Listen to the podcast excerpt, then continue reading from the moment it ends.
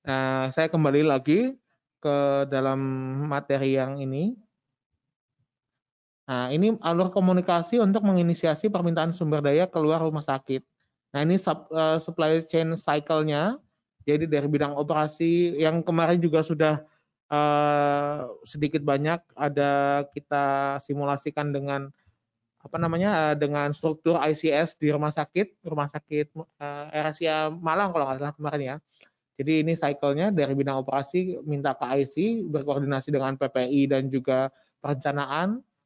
Nah, kemudian mereka minta ke bidang logistik untuk menghubungi IC license officer. Ini kalau yang uh, skenario yang 6B dari luar, bukan dari pengadaan normal.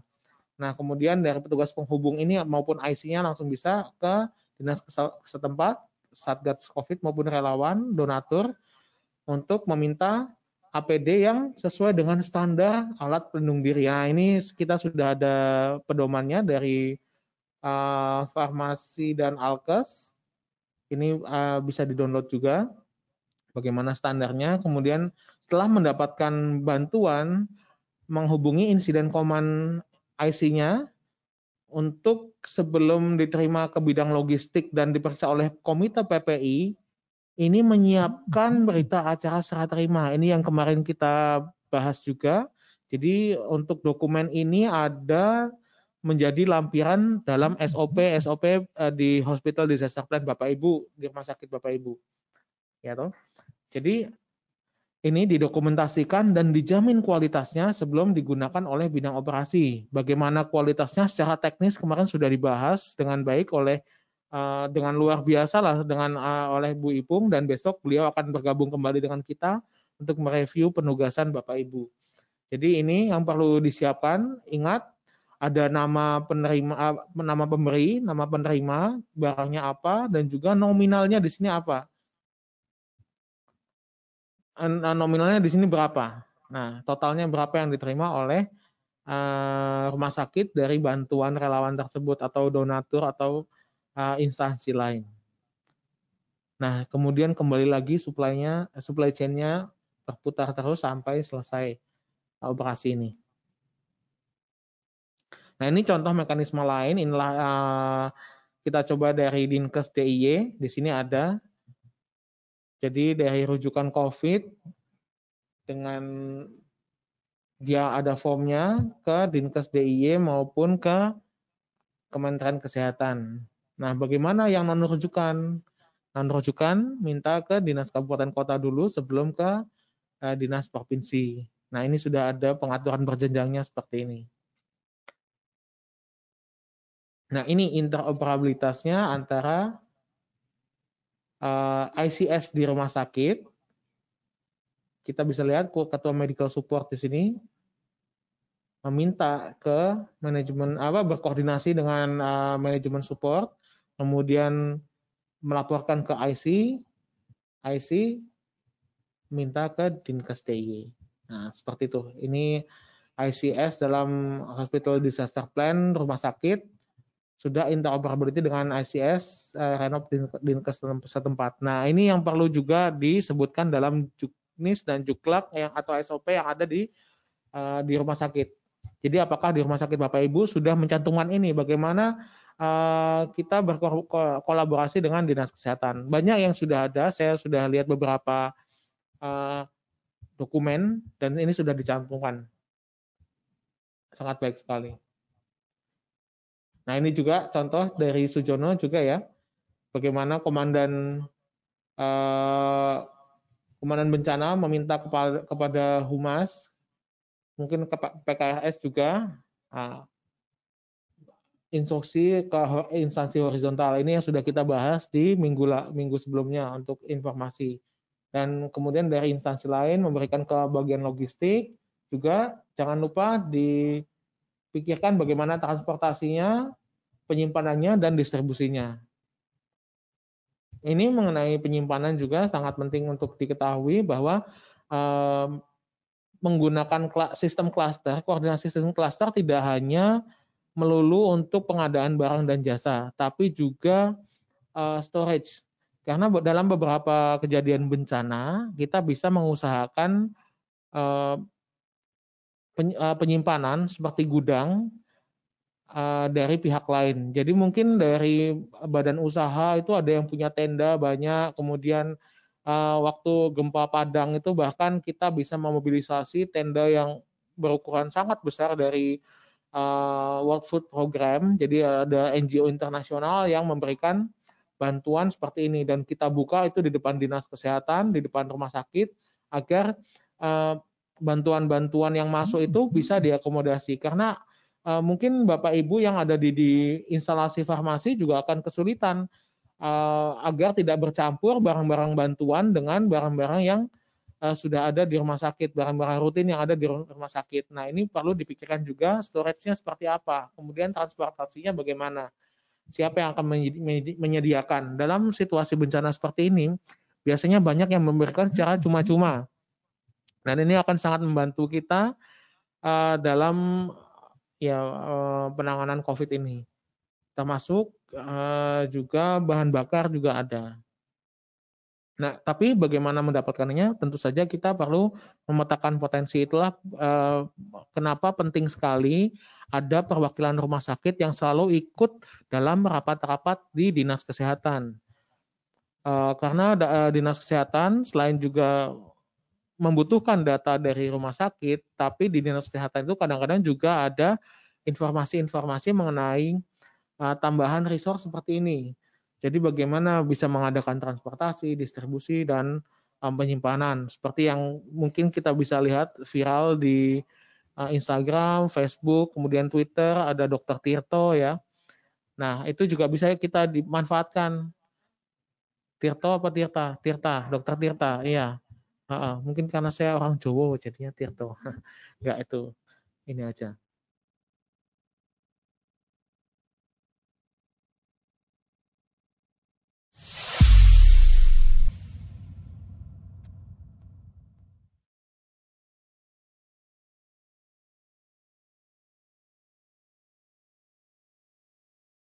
Kita mencoba untuk eh, melihat potensi-potensi logistik di luar rumah sakit. Makanya judulnya adalah interoperabilitas ICS di dalam rumah sakit dengan sistem klaster nasional atau daerah dan antar klaster. Nah, mungkin kalau kemarin Bu Ipung uh, menjelaskan dengan frekuensi, frekuensi yang sama dengan Bapak Ibu di rumah sakit ya, karena sama-sama dari rumah sakit. Nah, ini mungkin ada beberapa terminologi-terminologi yang agak uh, kurang familiar buat Bapak Ibu apa itu interoperabilitas dengan sistem cluster. Ya, saya Nah, ini outline presentasinya adalah uh, memahami platform koordinasi dan kolaborasi di luar rumah sakit pada COVID-19 ini. Adanya sistem cluster nasional, kemudian sistem koordinasi dan kolaborasi di luar rumah sakit. Kemudian alur komunikasi kembali untuk menginisiasi permintaan kebutuhan sumber daya di luar rumah sakit pada ke luar rumah sakit pada COVID-19. Saya mulai uh, ini kita lihat di sini ada contoh ya. Ada contoh dari PKU Muhammad Rumah Sakit PKU Muhammadiyah Bantul. Di sini kita bisa lihat bagaimana PKU Muhammadiyah ini berdasarkan hasil analisisnya kemudian dari operasional dan juga dari uh, logistik dan mereka memberanikan diri untuk keluar ya toh uh, memberanikan diri untuk membuat sebuah media kampanye ini loh yang kita butuhkan di rumah sakit kami nah, ada jumlah empat uh, ventilatornya empat set empat dengan harganya disebarluaskan ke publik. Jadi kalau ada yang mau memberikan donasi, 3 miliar itu jumlah yang mereka butuhkan untuk empat ventilator. Nah, itu itu contoh saja bagaimana mereka mencoba transparan dengan apa kebutuhan di dalam rumah sakit dengan potensi yang ada di luar rumah sakit. Mungkin tidak semua tercukupi tapi eh, minimal masyarakat sudah tahu dan siapa tahu ada sultan dari Timur Tengah yang baca dan 3 miliar ini tercukupi. Yang kedua, kita lihat di sebelah kanan juga, karena kemarin kita um, sudah menelaah ya, logistik itu tidak hanya obat-obatan, kemudian alat-alat uh, kesehatan, APD, tapi juga sumber daya manusia lingkupnya. Nah, ini bagaimana kita menjamin ketersediaan sumber daya manusia dan juga keamanan dan keselamatan mereka. Ah, teman-teman yang berada di garda depan eh, di rumah sakit. Nah, ini Wisma Tenaga Medis dari Rumah Sakit Sarjito bekerja sama dengan eh, penyedia layanan penyedia penginapan. Nah, jadi ini juga salah satu bagaimana salah satu cara bagaimana rumah sakit bisa memobilisasi sumber daya dari luar ini inovasi-inovasi seperti ini sangat kita butuhkan di uh, situasi seperti ini. Baik rumah sakit maupun yang lain juga uh, seperti itu. Nah, ini lihat uh, kita bisa memahami platform koordinasi dan kolaborasi sumber daya di luar rumah sakit, yaitu sistem cluster. Apa sih sistem cluster itu? Nah, ini adalah sistem cluster internasional karena pandemi COVID ini sudah uh, pandemi global, jadi ini sedikit saya sampaikan juga tentang uh, terminologi cluster di internasional. Kita saya ambil ini dari IASC, Interagency Standing Committee. Jadi di internasional sekarang ini sudah diaktifasi yang namanya cluster bantuan internasional. Jadi untuk cluster kesehatan yang bertanggung jawab untuk uh, menganalisa bencana non alam ini adalah WHO. Kita selalu menggunakan guideline-guideline-nya WHO dalam penanganan COVID ini yang tentu saja guideline WHO berlaku untuk 200 negara anggotanya. Jadi Bapak Ibu mengharap maklum kalau uh, mungkin pedoman WHO tidak selalu uh, berkesesuaian dengan kondisi di lapangan. Itulah kenapa uh, Kementerian Kesehatan bersama dengan WHO di Indonesia mencoba untuk mengadaptasi. Jadi pedoman-pedomannya WHO itu ada banyak, dicoba diadaptasi menjadi pedoman yang uh, sekarang sudah ada revisi keempatnya, yang warna ungu itu. Nah, itu isinya juga semuanya dari uh, pedoman-pedoman WHO dan sedikit diadaptasi. Ya, ada adaptasi yang agak lebih jauh lagi, kemudian lebih dalam lagi maksudnya ada istilah-istilah PDP, ODP, kemudian OTG. Nah, itu hasil adaptasi. Jadi kalau sekarang di media banyak yang menanyakan, mungkin kalau kemarin kita lihat ID minta WHO untuk apa Kemenkes untuk transparan lah. Yang di pedoman WHO hanya dimintakan untuk ke vokal person IHR yaitu eh, Dirjen P2P di Kemenkes itu melaporkan kasus positif saja. Jadi memang benar uh, uh, Pak Ahmad Yuryanto dan pemerintah Indonesia hanya melaporkan kasus positif. Tapi uh, tuntutan dari ID ini kemudian direspon dengan positif juga oleh pemerintah Indonesia. Uh, pada infografis terbarunya dikeluarkan informasi mengenai ODP dan PDP. Nah, itulah kenapa uh, WHO mempunyai peran penting dalam klaster kesehatan internasional. Nah, ini kalau misalnya kita kan sedang menanjak kurvanya ini. Kalau negara lain sudah uh, turun kurvanya, kemudian membantu Indonesia, bantuan asing boleh diperbolehkan masuk ke Indonesia karena ini sudah juga dideklar sebagai bencana nasional, klaster uh, klaster internasional ini akan dibuka. Salah satunya yang bisa kita manfaatkan adalah sesuai dengan materi kita hari ini adalah klaster logistik di Indonesia sendiri sudah seingat saya sudah dua kali kita membuka klaster internasional. Waktu gempa Jogja 2006 dan gempa Padang 2009. Itu bantuan asing sudah masuk dan mengikut bantuan masuk mengikuti klaster sistem klaster ini. Jadi Bapak Ibu yang ada di rumah sakit juga sedikit banyak harus bersiap-siap jika klaster internasional dibuka, bantuan asing masuk, ini klaster yang bisa ini mekanisme koordinasi klaster yang bisa kita pergunakan. Yang paling penting untuk kita adalah untuk kita di eh, kesehatan adalah tentu saja klaster kesehatan, klaster logistik, dan juga klaster water and sanitation dari UNICEF. Seperti itu. Ini eh, adaptasinya. Jadi di Indonesia di dalam uh, apa namanya KEPKA, keputusan kepala BNPB tahun 2014 sudah diadaptasi menjadi klaster nasional. Klaster nasional jika ada bencana nasional, eh, bencana level provinsi dan kabupaten, pengampu dari klaster kesehatan adalah Kementerian Kesehatan. Logistik diampu oleh Kementerian Sosial, dan BNPB. Di sini BNPB sebagai koordinatornya. Jadi uh, sejauh ini saya harap uh, Bapak Ibu sudah kenal sedikit mengenai terminologi klaster, apa itu klaster pada saat penanggulangan bencana. Karena ini kita sedang berada dalam penanggulangan bencana bencana non alam. Jadi ada sistem klaster yang dia, diaktifkan. Uh, sistem klaster sendiri itu diaktifkan uh, saat ini menjadi gugus tugas. Jadi di bawah gugus tugas ada ICS juga di sana. Uh, tapi terminologi cluster tidak digunakan. Dia melebur ke dalam fungsi-fungsi dari gugus tugas itu sendiri. Nah, ini koordinasi kolaborasi dan integrasi sumber daya kesehatan.